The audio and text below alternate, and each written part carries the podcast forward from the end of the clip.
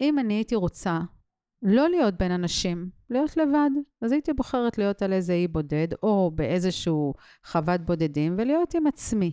אבל אם אתה בוחר להיות עם אנשים, למה אתה בוחר להיות עם אנשים? בשביל לא להיות סובלני אליהם? בשביל לא לחייך אליהם בבוקר? בשביל לא לשים לב? למה באת לגור בתוך בניין עם עוד שכנים? אתה יכולת ללכת לאיזה, בפרדס חנה יש שם כל מיני זולות, להיות לבד. אבל אתה בחרת להיות בסביבה. אם אנחנו בוחרים להיות בסביבה עם אנשים, זה אומר שאנחנו צריכים להיות איתם בשיתוף אנרגטי.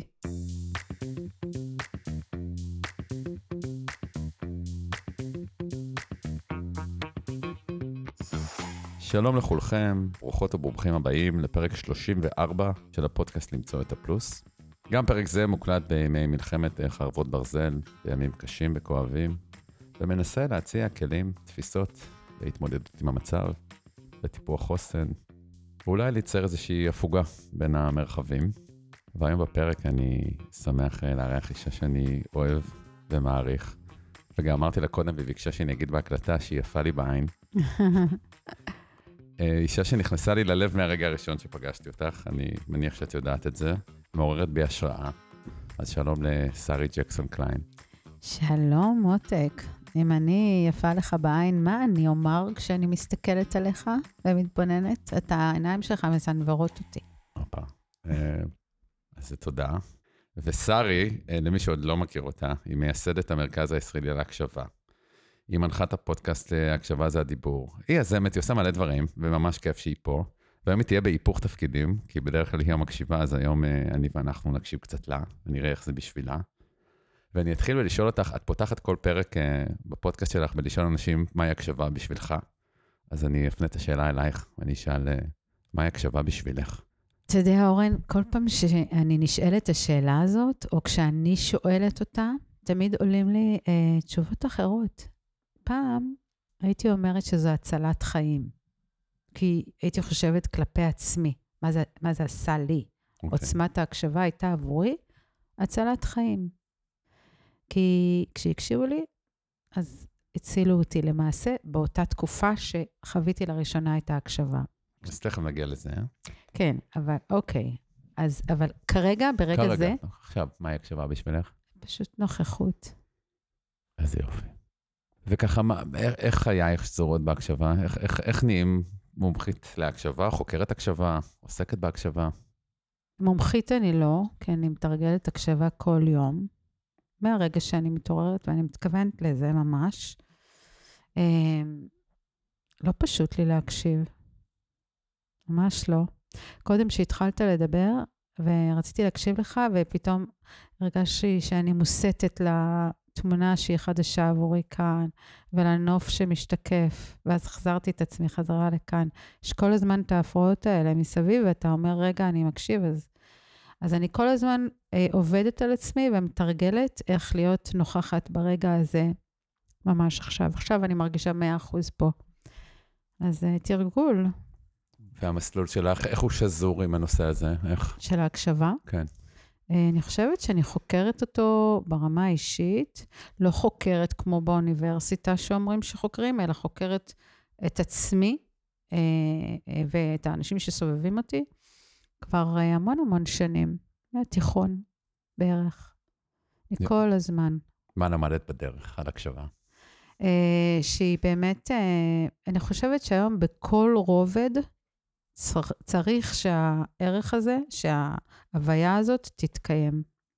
אני חושבת שבכל רובד שהיא תתקיים, כל מה שאנחנו עושים, אם זה במסגרת העבודה, אם זה בזוגיות, אם זה עם הילדים שלנו, אם זה בבית, אם זה עם השכנים, זה יכול להיטיב איתנו, להרבות טוב מבחינתנו ולייצר פה אוכלוסייה, עם, חברה, בריאה יותר, קודם כל בריאה. אני מדברת על בריאות uh, פיזית, וכמובן ששמחה יותר, נעימה יותר, אבל אני חושבת שיש לזה קשר ישיר לבריאות. תני לי דוגמה קטנה, ואיך זה השפיע על חייך, איך את מתנהלת אחרת באיזשהו מרחב, דרך הנושא הזה שאת חוקרת. עולה לי, עולה לי עכשיו ברגע הזה משהו אחר שקשור לזה. אתמול הייתה לחברה שלי יום הולדת, ולמה אני אומרת לך את זה? דיברנו גם על נושא הקשבה, כי זה חלק מהחיים שלי, למרות שאתמול היה שבת, אבל זה לא קשור, זה לא עבודה שלי, זה חיים שלי, אני לא עובדת בזה. ויש לה פרקינסון, היא קיבלה פרקינסון לפני ארבע שנים. אני מרשה לעצמי לדבר בקול רם, למרות שמכירים מי, היא משתפת את זה. ודיברנו על זה שאם היא הייתה קשובה, אפילו לי, כי כולנו מסביב ניסינו לעצור אותה במרוץ החיים, אה, יכול להיות שהפרקינסון היה נמנע אם היא הייתה מקשיבה לעצמה ולא אה, ממשיכה את החיים שלה כפי שהיא ניהלה אותם אז, מבחינת סטרס, מבחינת ריצוי לסביבה שלה, ריצוי לילדים שלה, חוסר הקשבה עצמית. את מדברת על הקשבה פנימה קודם כל. עצמית, כן. כן. כן, אני חושבת שאם זה היה קורה, הפרקינסון היה נמנע. אני חושבת שבכלל כל מי שחווה, עובר איזושהי מחלה, יש לזה קשר ישיר לחוסר הקשבה. ויש קשר לטעמך בין היכולת שלי להיות קשוב לעצמי, קשורה ליכולת שלי להיות קשוב ל- ל- לאחר, לזולת?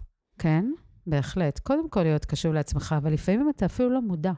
ואז יש אנשים מהצד שרואים אותך ואומרים לך, תשמע, אתה עושה משהו כאן לא בסדר.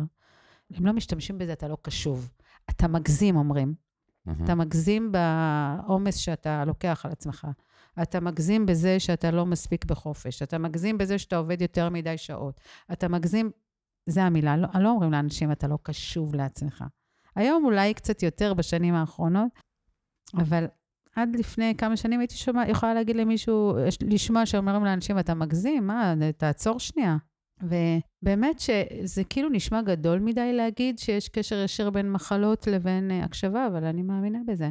אני גם מאמינה שככל שהערך הזה יוטמע פה, במדינה שלנו, יהיה פחות סטרס, יהיו פחות דיכאונות, יהיה פחות מחלות, אנחנו נהיה יותר מאושרים.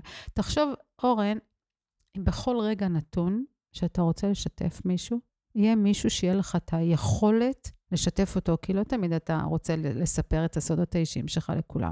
אבל יהיה אחד בעולם הזה, שאתה רק תשמיע את הקול שלך בקול רם, והוא יהיה שם נוכח. גם לתת לי מקום, וגם תוקף, וגם אה, נראות. זו חוויה אה, מאוד מאוד מעצימה. לגמרי. בלי עצות, רק, רק, ש, רק להקשיב לעצמך, בקול רם. יש אומרים ש-AI אולי יעשה את זה טוב יותר מאנשים. פחות. אתה יודע, אני מדברת בקול רם בבוקר, הרבה פעמים במרפסת, בסלון, אה, לעצמי, כאילו. אבל אני, אני, לי יש אלוהים, אתה יודע? אמרתי לך את זה? אני חושב שלכולנו יש, לא? אני לא יודעת, אני מחוברת לקדוש ברוך הוא, לא יודעת איזה אוקיי. אלוהים אתה מדבר. אני מדברת שהדתיים קוראים לו הקדוש ברוך הוא. אז אני לא דתייה, אבל יש לי קדוש ברוך הוא. ואני מאמינה בו שהוא מקשיב לי באותו רגע, ואני לפעמים עושה איתו משחקים כאלה, מבקשת ממנו דברים, מה והם ביקשת הבוקר? מתגשמים. כל פעם אני מבקשת משהו אחר שאני צריכה. מה סיפרת לו הבוקר? אה, הבוקר הספציפי הזה, כן? אמרתי לו, לך. אני אגיד לך מה, הלכתי היום אה, בפעם הראשונה לקיים ראיונות עם אה, סטודנטים שעכשיו נמצאים בקורס מנחי הקשבה שלנו.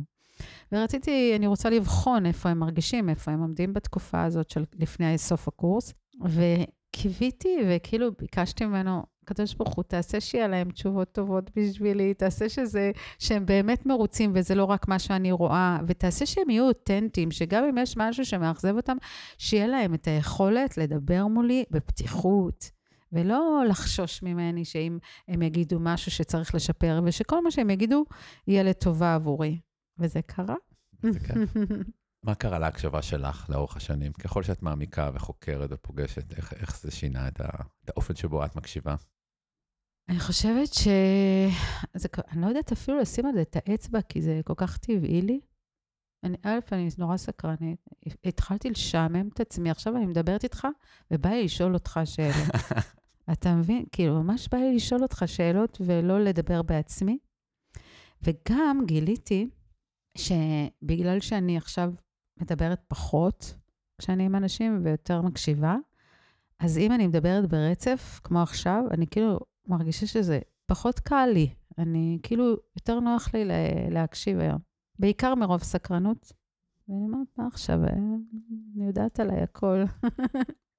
ו- וזה זה תנועה של לפנות מקום. כלומר, במקום הזה, ואני אני שואל, אני- כי אני מקווה שיש מרחבים שאני יודע להקשיב, אבל זה דורש ממני איזושהי התגייסות לדבר הזה, כי לא תמיד אני פנוי.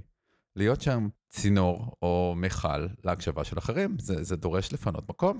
מאיפה מפנים את המקום הזה? איך?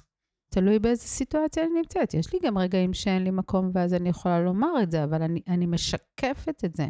אני אתן לך דוגמה, שנאמר, הבת שלי יכולה להתקשר אליי, ואני באמצע משהו, אני תמיד עונה לבנות שלי. ואם אני חוטאה, זה כשאני, מרוב שאני כל כך רוצה לתת לה מקום, אבל אני, היא, היא מרגישה אותי, היא אומרת לי, אמא, איתי? ואז אני אומרת, סליחה רגע, אני איתך עכשיו, ואז אני פשוט מפנה את כל הדברים מהצד.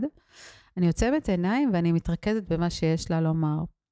אבל בהחלט, אה, כאילו, למה לא לפנות מקום? מה הבעיה עם זה? מישהו צריך אותך. זה מדהים, אבל אני, אני רוצה להיות כרגע, או שמישהו מבקש את עזרתי, להיות פנוי לתת מקום לדבר הזה. ולפעמים, בעומס החיים, בלחץ החיים, בריבוי המשימות, בדיבור הפנימי, בעיסוק בעצמנו, כרגע להשהות את זה ולפנות מרחב לאנשים אחרים, זו דורש התכוונות. אתה אוהב לתת מתנות לאנשים? אתה אוהב? אני מניח שכן. כן? כן. כשאתה נותן למישהו מתנה, אתה, והוא מקבל אותה, ברור. אתה מרגיש שאתה שמח עם זה? ברור, ואני גם יודע שהקשבה, שקשב הוא המשאב הכי נדיר היום בעולם, וזו המתנה הכי, הכי נדירה. שאתה יכול לתת לאחרים? שאני יכול לתת או לקבל במקומות או אחרים. או לקבל, כן. כן, כן, בהחלט. אז תראה, אני אישית מאוד אוהבת לתת מתנות. מאוד. היא באה היום עם תותים, כן? היא לא באה בידיים ריקות להקלטה היום. כן, יש לי נטייה כזאת. וכאילו, אני מתחברת למקום הזה, שאני אומרת, זה המתנה שאני יכולה לתת, ואז אני רואה את המבט, או את התחושה הזאת של, אחרי שנגיד, אפילו שלוש-ארבע דקות, או חמש, זה המון זמן שמישהו מדבר ואתה מקשיב, ואני רואה את המבט של מי שנמצא מולי, והצלחתי להקשיב לו, ואני מתמלאת. זה ממלא אותי. זה פשוט ממלא אותי. כשאני נותנת את המתנה הזו, אני מתמלאה, זה צד אגואיסטי לגמרי בכלל להקשיב. כן. אם ברמה האגואיסטית היום. אני נהנית להקשיב, אז אני מחפשת מי רוצה הקשבה. תגידי לי, אז למה אני יותר שרי? רוב בני אדם אוהבים לתת מתנות או לקבל מתנות. ואת גם אומרת בזה משהו מיטיב פנימה. ואנחנו רואים, ואת יודעת לא פחות טוב ממני אפילו, כנראה יותר, שזה לא הדיפולט. כלומר, חסרה הקשבה בעולם, חסרה הקשבה במחוזותינו, אולי עוד יותר בתקופה הזאת ובשנה האחרונה שעברנו. למה זה כל כך קשה? קשה להקשיב? בגלל ההפרעות שיש לנו, החיצוניות. קודם כל, אנחנו כאילו מוסתים, ויש לנו תחושה, מרוב שאנחנו רוצים להספיק הכל, ולהרוויח הכל, ו... אז כאילו יש לנו תחושה כזאת, שבעצם, אם לא נהיה כאן, במקום הזה, הרגע הזה, ואני אקשיב לך, אני מפסידה משהו אחר. ברגע שנבין שיש שפע, מה שצריך להגיע אלינו יגיע. הכל בסדר, הכל, איך אנשים אה, בפרדס חנה אומרים? הכל מדויק. אז בואו, לא הכל מדויק, אבל הכל מתדייק. לאט-לאט, פשוט להרפות. אתה יודע, יש, אה, אני גם, אני מאוד אוהבת מוזיקה. היא רצתה שנשיר גם, נכון? כן, אני לא יודעת אם אני אשיר לכם, אבל, אבל יש uh, שיר ש, שאביב אלוש אה, מבצע אותו, הוא בכלל שחקן.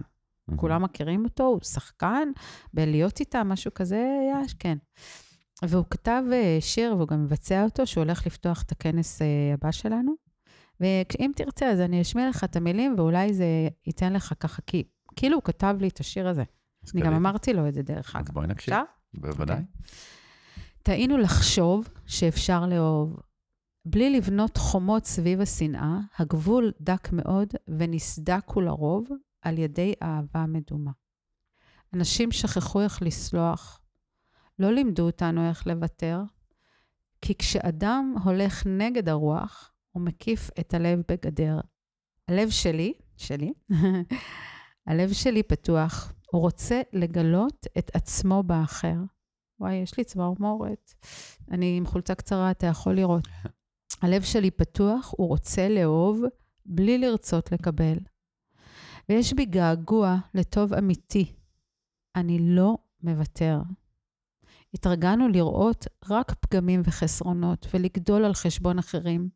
במרוץ דמיונות של הישגים וכבוד, איבדנו את הלב התמים. אנשים כאן צמאים לניחוח של פרדס ושל מים חיים. זה הקשבה. כשהחומר יישא אל הרוח, הוא יביא איתו שלל של צבעים. הלב שלי פתוח, רוצה לגלות את עצמו באחר. יש עוד המשך לזה, אבל אני חושבת שהבנת את הרעיון. כי כשהלב פתוח, יש לך מקום להכל. להקשבה, לשיתוף, שזה, כל הזמן אנחנו מדברים על הקשבה, אבל גם, גם הנושא של שיתוף, אנשים שומרים את הכל בפנים. היה לי אח כזה, שאפילו הלך, הלך לעולם אחר לפני מספר שנים, ארבע שנים, שהוא כל הזמן אמר, כן, הכל טוב, הכל טוב, הכל טוב, היית רואה אותו מחייך. ואני ידעתי שיש לו סבל מטורף בפנים. והוא פשוט אה, לא נשאר כאן, ואני חושבת שיש לזה קשר ישיר לחוסר שיתוף שלו, בזמן שהיה צריך לשתף, והיה עם אגו כזה, שהכל בסדר, והכל טוב, ואני בסדר. לא. זאת אומרת, הקשבה היא ריפוי. לגמרי. פנימי וחיצוני. בגלל זה אמרתי שהיא מצילה חיים, כי כשמישהו שיתף אותך במשהו, אז הוא נרפא. אני, אני יכול להגיד לך שאני חווה אותך, גם בנוכחות וגם כרגע אפילו תוך כדי שיחה ובהקשבה, שאני רואה שאצלך הקשבה היא לא, היא לא מיומנות של אוזניים או של עיניים, היא, היא הוויה, היא, היא מיומנות של כל הגוף. נכון, אמרת הוויה. אתה יודע שאני בבוקר בוחרת את ההוויות שלי לפני שאני יוצאת מהבית? אני לא יודע, אבל זה לא מפתיע אותי. Mm. תספרי, תקשרי לי בין, בין, בין בחירת ההוויה לבין היכולת לפנות מקום ולהיות בהקשבה. אוקיי. Okay. אז יש לי טקס כזה בבוקר, גם כשיהיו לי ילדות קטנות יותר, כי עכשיו אנשים יגידו, טוב, אין לה ילדים קטנים, זה ממש לא משנה. זה, אתה יוצא אל העולם. אם אני הייתי רוצה לא להיות בין אנשים, להיות לבד, אז הייתי בוחרת להיות על איזה אי בודד, או באיזשהו חוות בודדים, ולהיות עם עצמי. אבל אם אתה, אורן, בוחר להיות עם אנשים, למה אתה בוחר להיות עם אנשים? מה, בשביל לא להיות סובלני אליהם? בשביל לא לחייך אליהם בבוקר? בשביל לא לשים לב? למה באת לגור בתוך בניין עם עוד שכנים? אתה יכולת ללכת לאיזה, בפרדס חנה יש שם כל מיני זולות, להיות לבד. אבל אתה בחרת להיות בסביבה. אם אנחנו בוחרים להיות בסביבה עם אנשים, זה אומר שאנחנו צריכים להיות איתם בשיתוף אנרגטי, אוקיי? אני מאוד אוהבת בני אדם, למשל, מאוד. ואני, כשאני יוצאת בבוקר, אני אומרת, אוקיי, אני צריכה לשמור על עצמי, להיות מספיק טובה כלפי מי שיראה אותי. ומה זה אומר? אפילו ברמה שאני אפגוש מישהו עכשיו בחדר מדרגות, שלא ייווצר מצב שמההוויה שלי, אפילו מהמבט, שהוא לא ייפגע ממני, או ירגיש שהוא לא שמתי לב אליו. אז הפנים שלי, אני, אני משתדלת להיות מאוד מחויכת. גם כשהגעתי לכאן היום, אה, ולא... זה מאירת פנים, זה יותר ממחויכת. כי מחויכת זה, זה, זה לא המימיקה של החיוך. ברור. זה, זה מאור הפנים כן. שאת, שאת מסתובבת איתו בעולם. כן. אתה פשוט משדר לבן אדם שמולך את ההוויה שלך, על מנת, עכשיו, ההוויות שלי, אני בוחרת אותן כדי לשמור על עצמי, לדוגמה, בסדר?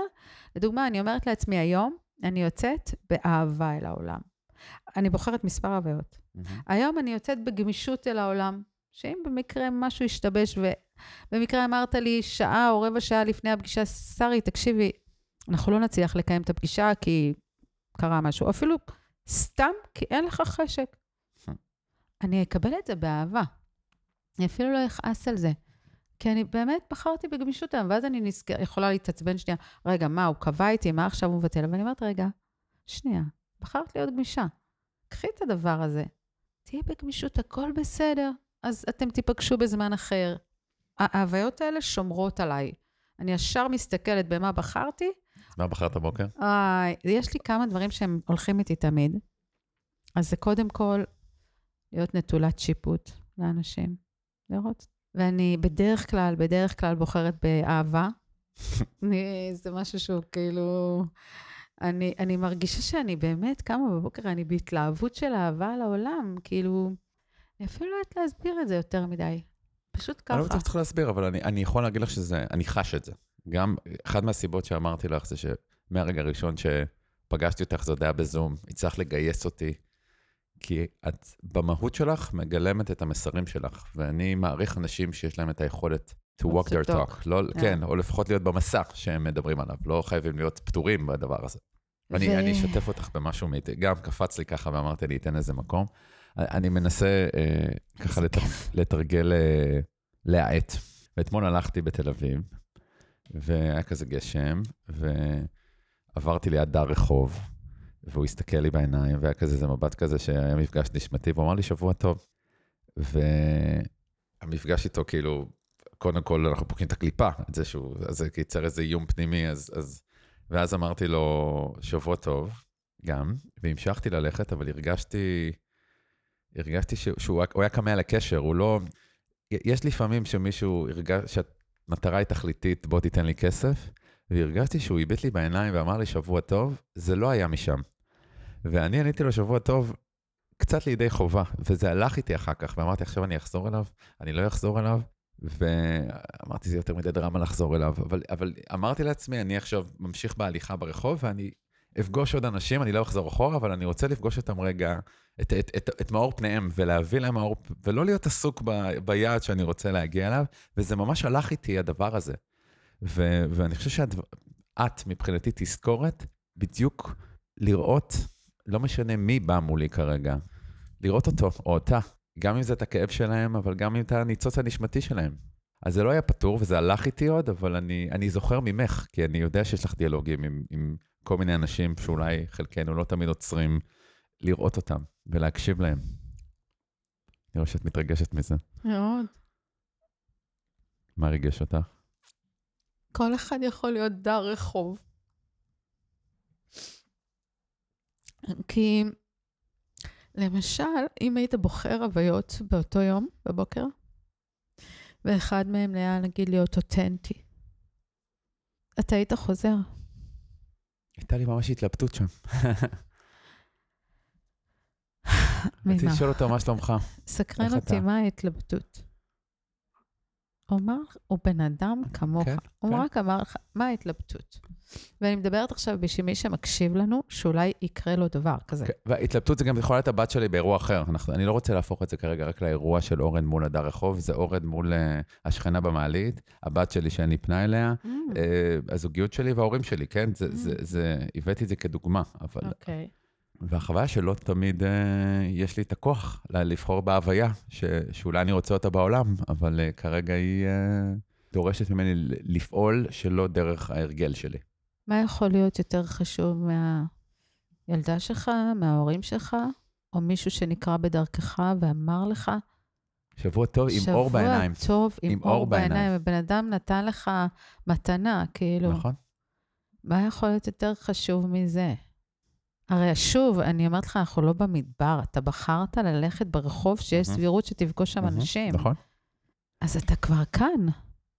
אני כן אה, אגיד, ארגיע אצלי את החרדה עכשיו ואת האשמה הפנימית, שהחלטתי שאני מביא את האיכות הזאת הלאה, וניסיתי להיות קשוב במקומות אחרים לכל מיני סיטואציות, כדי, אה, כאילו זה, זה, זה היה בתודעה שלי, לראות איך אני מביא את זה לעוד איכויות. אבל זה קפץ לי ככה כשיתוף. הדר רחוב הזה, הוא, הוא כאילו גר כאן, הוא, הוא נמצא באותו מקום כל הזמן? או ש... אה, זה, זה לא היה פה, זה היה בתל אביב. אה, אה, אני לא יודע. אוקיי. יכול להיות שאתה תפגוש אותו שוב, כן, כן, ותשתף אותו בסיפור הזה, כן. ואתה יכול לגלות עולם. היה ברור לי, היה ברור לי ש, ש, שיש שם, כאילו שכאילו, זה יישמע טיפה רוחני, אבל שהיה איזה מלאך כזה שנכנס בתוך הדבר הזה. אני חושבת שהחיים כאלה פשוטים, אורן, ויש לנו נטייה לסבך אותם. אבל לא צריך לסבך. ברגע שתראה את החיים פשוטים, פשוט, פשוט ללכת. לא, אתה יודע, אני, אני חושבת לעצמי שאני כל הזמן מדברת על הדבר הזה שנקרא ראש. מהמם. אנחנו כל הזמן חושבים. עכשיו, ברגע שכולנו נפסיק לחשוב בראש, עם הראש הזה, שהוא מהמם. ממש, לדעתי, לא טוב עבורנו, ונתחיל לפעול עם רגש, כל החיים שלך ישתנו. אני בן אדם עם רגליים על הקרקע, נכון? לא רוחניקית כזאת של ה... אני לא מחבקת עצים, בוא, וזה בסדר לי שיש כאלה שמחבקים עצים. אני עם רגליים על הקרקע מצד אחד. מצד שני, אני כמעט ולא חושבת. מדהים. ואני חושבת שברגע שאתה מאמץ את הדבר הזה, לא להתחיל לחשוב יותר מדי, אלא לחיות את הרגע באותו שנייה, אם זה עם ההורים, עם הילדה, או לא משנה מהמם. מה, הכל ישתנה לך. אז תהנה גם יותר, יהיה לך ברור, יותר ברור. קול. יהיה לך יותר טוב. חוזרים אלייך, שרי. אה, אליי? כן, ברור, אוקיי. שזה התכנסנו. משעממת אותי אני. אוקיי. אני אחזור גם, אמרת שאת בחורה פרקטית, ויש קורס אה, מנחה הקשבה, ויש כנס הקשבה שתכף תגידי עליו כמה מילים. אז, אז איך מלמדים הקשבה. מה לומדים בקורס מנחי הקשבה? לא לומדים, מתרגלים. אז מה מתרגלים? אה, אני לא מאמינה שאפשר ללמד הקשבה.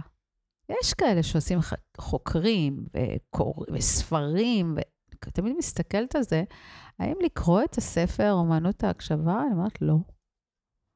אני צריכה לעשות את אומנות ההקשבה. אנחנו מתרגלים ממש, יש לנו, קודם כל, פרופסור אבי קלוגר, שהתראיין פה אה, בפודקאסט, דרך אגב. אה, כן, גם אצלי, והוא מלווה אותנו מבחינה מקצועית. עבורי הוא ההורים והיתומים של הנושא, כי הוא חוקר אותו הרבה שנים מצ, מצד האקדמיה, כן? והוא מביא לנו המון המון תרגילים איך לעשות את זה, ופרט לזה, הוספנו מנח, מרצים נוספים, שאחד מהם זה אתה. וכל אחד מביא את הפן שלו לתוך הקבוצה. אני מדברת איתך על 24 חבר'ה שראית אותם. אנשים שהצעיר ביניהם הוא מורה בבית ספר, בן 38. המבוגר שביניהם חגג לפני שבועיים, חג... עשינו לו 74. וואו. כולם שם בעלי מקצועות חופשיים, יש שם עורכי דין, ומישהי שהיא בכלל אה, רכזת שכבה בבית ספר, מכל, הש... באמת, כל מיני מקצועות יש שם. אחד עוסק בנדל"ן, אה, מישהי שיש לה חברה. להפקת אירועים, ועוד. אבל מה שאני מנסה להגיד, שבעצם באו אנשים, אה, 13 נשים ו-12 גברים, שזה גם כן, כן, כן, משהו מטורף, והם פשוט מתרגלים הקשבה אה, באמצעות זה שמלמדים אותם. אנחנו נותנים כל מיני אה, תרגילים שאבי נותן תן לנו לרוב. דוגמה, מי שמקשיב עכשיו אה, אומר, אני אני רוצה או רוצה לפתח לפתח את השריר הזה. איזה תרגיל ככה שאפשר להציע למאזינים. אתה יודע מה? לפעמים אני יכולה להגיד לך, אנחנו משיבים שני אנשים בזוג. קודם כל, אחד הדברים שאנחנו מנחים, זה כשמישהו אה, עכשיו מקשיב לי, כמו שאתה, אז אתה תהיה איתי כאן בנוכחות מלאה. אתה תשתדל, זה לתרגל. להיות רק איתי עכשיו. לא לחשוב האם ההקלטה עובדת נכון, האם מישהו פתאום ידפוק בדלת, האם הטלפון יצלצל, אפילו אם זה על רוטט. רגע להיות איתי ב-100% ולתת לי את התחושה שאתה איתי. וכשאתה נמצא בסיטואציה שכבר אתה ב-100% הקשבה, אז זה שמדבר, אנחנו נותנים איזשהו תרגיל, לדוגמה. אתה יודע, אתה אומר לי, שרי ג'קסון קליין, אבל תשאל אותי, מה זה השם הזה שלך? למה יש לך את השם הזה? למה יש לך שתי שמות? אז אנחנו אומרים, בואו, תרגיל ראשון, תשאל את הבן אדם שמולך, מה זה השם הזה שלו, ואם הוא יודע למה קראו לו ככה בכלל. מהמם. או יש הרבה שאלות שאנחנו שואלים, שפתאום אנחנו מגלים שאנחנו מגיעים לרובדים מאוד מאוד עמוקים מול בני אדם. אבל אחד הדברים שאנשים אומרים, וואו, הם שומעים את עצמם והם פתאום מגלים על עצמם דברים. וזה גם מאפשר להם לתרגל איך לשתף אחרים, שזה לא משהו שאנחנו עושים. טוב, יאללה, קראו לי שרי, אני רצה. טוב, הוספתי זה. זה לא, אנחנו לא מתעכבים על, ה, על האמת שלנו, על הדברים באמת שהם חלק מהמשמעותי ומהותי בחיים שלנו. ויש לנו תרגילים שהם בקבוצות. אני שנייה אעצור פה בשביל, אני שומע ממך, וקראת לפודקאסט שלך הקשבה היא הדיבור, שדרך ההקשבה אנחנו גם מדברים יותר טוב. לגמרי. התה שעשית לי מאוד טעים. להיות אותנטי, להגיד את מה שיש לך באותו רגע, כולל זה שעכשיו אמרתי שהתה טעים, כי אין טלוויזיה, אף אחד לא יודע שעכשיו לגמתי מהתה. ואני בתחושה הפנימית שלי לגמתי מה, מהתה שעשית לי, וזה כזה טעים, השילוב של הדבש וזה. אז מה עכשיו, את, מה את אומרת את זה? את בתוך פודקאסט. אבל זה בסדר, אנחנו בני אדם, לגמרי. אז שיתפתי את זה. נעים לי יותר עכשיו. אני שואל על מרחב ארגוני, כי, כי חלק מהמאזינים והמאזינות פה אה, הם, הם במקומות עבודה. אוקיי.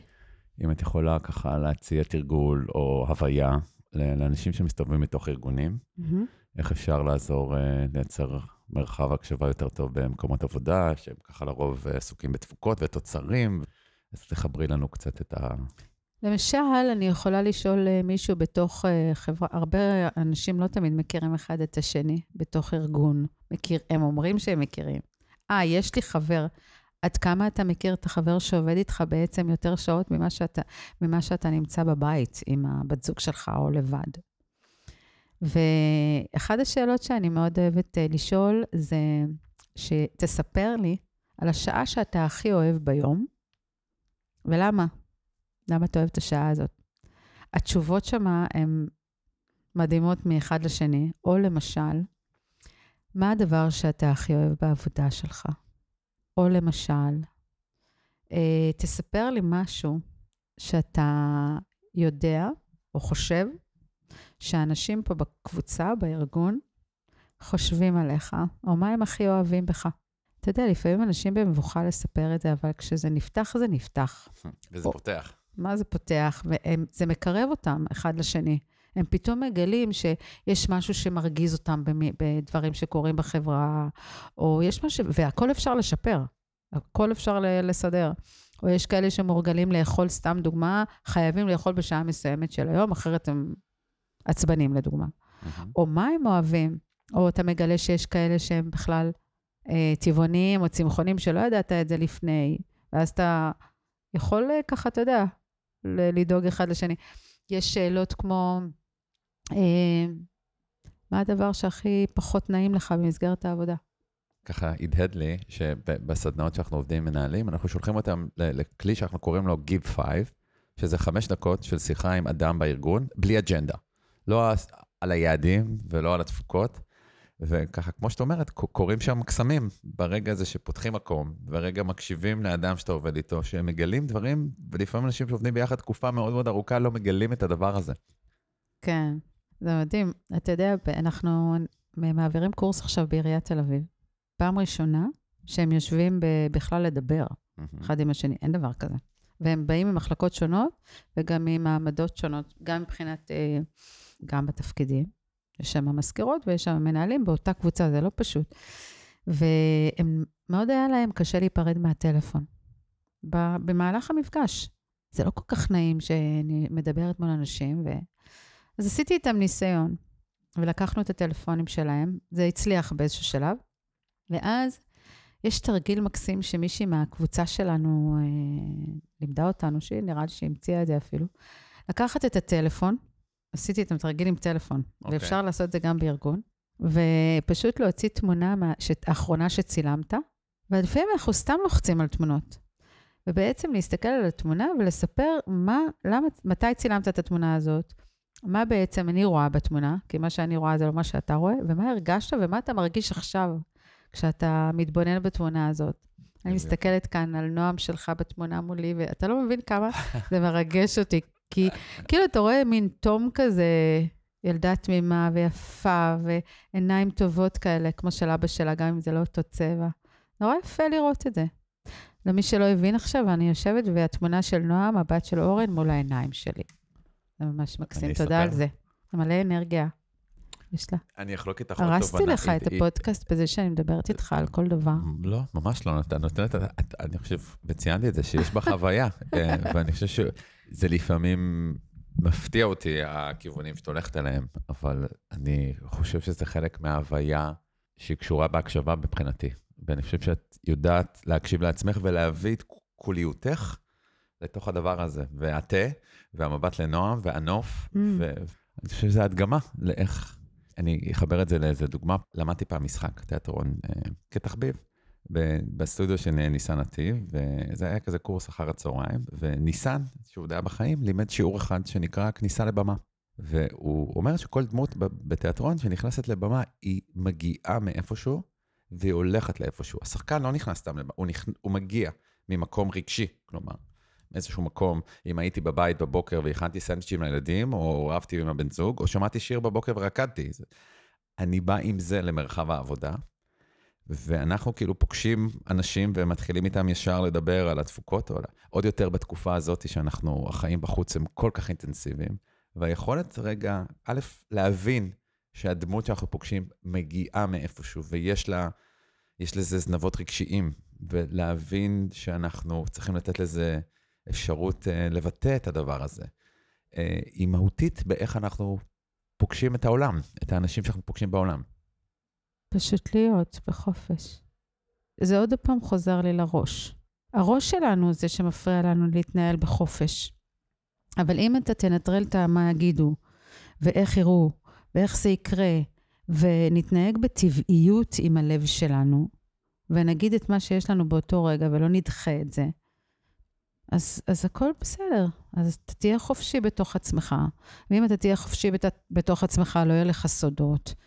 גם דברים קטנים, כמו שדיברת קודם. Mm-hmm. אז הכל יהיה רגוע. אתה רגוע כשאתה מוציא את הדברים. כי תחשוב שאם עכשיו אני תוך כדי פגיש, שיחה איתך, יש לי את הדברים האלה מסביב, שהם נמצאים אצלי כרגע, הם עוברים דרכי, ואני לא מוציאה אותם, ב, לא נותנת להם מקום ולא לא ביטוי, הם מפריעים לי. להמשיך להתרכז בשיחה איתך. לא רק לך, הם במרחב, ואז הם מפריעים גם למרחב המשותף שלנו. זה, כן, אני לא אהיה מרוכזת להיות אני. ואז יבואו לי סתם שטויות להגיד שהם לא באמת המציאות שלי. זה המציאות שלי עכשיו. תגידי, אין לנו עוד המון זמן, זה נורא בא לי שתספרי לנו קצת על אה, יום ההקשבה הישראלי. אה, אוקיי. איך, איך נולדה היוזמה הזאת? מתי זה קורה? מה קורה? מי יהיה? היוזמה, אתה יודע איך היא נולדה כבר, זה, זה, אני, אתה יודע, אני אומרת, יום ההקשבה הישראלי השלישי, אני אומרת, מה זה, אני עשיתי את זה? כאילו... כן, כן. לא. אז כן, אז יש יום הקשבה ישראלי שלישי, שהולך להתקיים ב-15 למרץ. 24. 24 למרץ, באולם סמולר, ממש עוד מעט. Uh, היו לי תוכניות אחרות לגבי היום הזה, וגם uh, דוברים מסוימים. ושוב, תוך כדי תנועה, קרה את מה שקרה, הדבר הנוראי ב-7 לאוקטובר. והקשבה נמצאת בכל הרבדים, כמו שאמרתי לך, ואמרתי, רגע, תעצרי שנייה, מה קורה עכשיו? מבטלים את יום ההקשבה, אבל לא. כמו שפתחתי את הקורס שלנו, הקשבה זה דבר יותר נחוץ היום מכל זמן אחר. ואז אמרתי, אני אתאים את זה ואני אראה איך מתנהלת ומתקיימת ההקשבה בתוך התקופה הזאת, ועם אנשים מתוך התקופה הזו. אז פשוט הזמנתי לכנס הזה דוברים שהם התייחסו לאיך הם הקשיבו לעצמם או לסביבה בתקופה ותוך כדי דברים שקרו להם. למשל, אימא של יותם, שנחטף ונהרג על ידי החיילים, החייל, הבחור הג'ינג'י. Mm-hmm. איך, איך היא מתמודדת עם זה, וכמה, פה היא צריכה הייתה המון הקשבה כדי להמשיך את הדרך שלה, והיא אישה מאוד מאוד מאוד מעוררת השראה. ובאמת, יש שם עוד כל מיני אנשים. הלב פתוח, שהקראתי לכם קודם, אז אביב אלוש כנראה ישיר את השיר הזה בפתיחה. והבאתי את גגה, אם אתה מכיר, של אוהד נהרין. Mm-hmm, ממש אנחנו נחווה את הריקוד הזה של הקשבה לגוף, כי הקשבה זה בכל הרבדים. תהיה לנו אפילו הפסקה כזאת שאנחנו נפגוש אנשים שאנחנו לא מכירים, ונקשיב להם רגע, דקה או שתיים. ואפילו מארגונים קשובים, בתוך הבית ספר להקשבה, יש לנו בית ספר להקשבה במרכז הישראלי להקשבה, אז יש גם uh, ארגונים קשובים, mm-hmm. uh, שאנחנו נותנים uh, סדנאות והרצאות בתוך ארגונים. אז uh, הבאתי את דן פילץ, שהוא מהדיזנגוף סנטר, כן, ואיך הוא, הוא חיבר את זה למלחמה עכשיו. הוא גם התרואיין פה בפודקאסט, פרק 17. איזה בן אדם מקסים, נכון? אני התאהבתי בו ב... ממש. וואו, וואו. ו... כי הולך להיות באמת באמת כנס מרשים. והיום אה, נשיא המדינה נתן את ברכתו, שאמרתי, וואו, רגע, באמת? שנייה, אני רק הצעתי. מדהים, מדהים. אז דברים קורים, ודורון ליפשטיין, ויש בחור בשם, אני חוקרת את זה כל הזמן, אתה יודע, בחור בשם אה, דני סיטרין, שהוא מקשיב להלומי קרב בחווה שיש לו של סוסים ובעלי חיים. גם אותו אני בסטריה. כן. אז הוא, הוא הולך להיות גם ולדבר על זה, ויש עמותה שנקראת דרך גבר. Mm-hmm. אתה שומע יותר מדי גברים, אבל יש גם של נשים. יעל אבקסיס תדבר על הקשבה בין-דורית, ודנה דבורין תדבר על uh, נשים שהיא מקשיבה להם אחרי השביעי לאוקטובר עם uh, סיפורי גבורה, אבל מתוך מקום של שמחה. אנחנו הולכים להביא את זה מאבל לתקומה, אבל הולך להיות באמת, באמת, באמת כנס. אני מרשה לעצמי להגיד עכשיו שזה כנס שאנשים לא ירצו ללכת ממנו, כי... הולך להיות מדהים. אה, אני אשתדל לחלק טישו בכניסה, כי זה מה שביקשו ממני שנה שעברה. זה משנה שעברה, בדיוק. ואני אומרת, כאילו, יש עוד אנשים שהולכים להיות, אה, יש פרויקט של הסורגות של נשים נגד בדידות, יש 120 נקודות כאלה כרגע בארץ, של גברים ונשים וילדים שנפגשים אחת לשבוע ועושים מקרמה וכל מיני עבודות ביחד, כדי להפיג בדידות במקום בבתים, ואז הם עשו גם לחיילים עכשיו. מדהים. סרגו. יש, יש... אז יהיה פה קישור, באמת, כדאי לכם להיות בכנס הזה. וגם היער הסודי בקפריסין. אז יוני יגיע ויספר למה הוא בעצם uh, תומך במשפחות שכולות וניצולי נובה. גם היית שם, נכון? בעצמך? הייתי ואני נוסעת שוב בסוף uh, פברואר. עוד פעם. אז חברים, כדאי לכם קודם כל לעקוב אחרי האישה היפהפייה מבפנים ומבחוץ זאת שמולי, ולעקוב אחרי הדברים החשובים שהיא עושה. מה החזון שלך? ככה תשתפי אותנו לקראת סיום במה... יש לי חזון ויש לי חלום. חזון זה שבעוד שמונה שנים יהיה מיליון מקשיבנים ישראלים. אה, חלום שבעוד עשר שנים ייסגר בית חולים ראשון בישראל, בעקבות זה שאנשים הפכו להיות קשובים יותר לעצמם. וואו, איזה יופי. זה יהיה, אורן. אני כבר אמרתי לך שאני הולך איתך לכל מה שתבקשי. זה יהיה. אנחנו הולכים לסגור בית חולים תוך עשר שנים. זה, הכל קשור להקשבה. בית חולים לחולי נפש בטוח, לא צריך, ואנחנו נקשיב גם למתמודדי נפש לפני שהם יגיעו למקום הזה שהם יצטרכו להתמודד עם הנפש שלהם. איימן. מה עוד חשוב לך להגיד לפני שניפרד?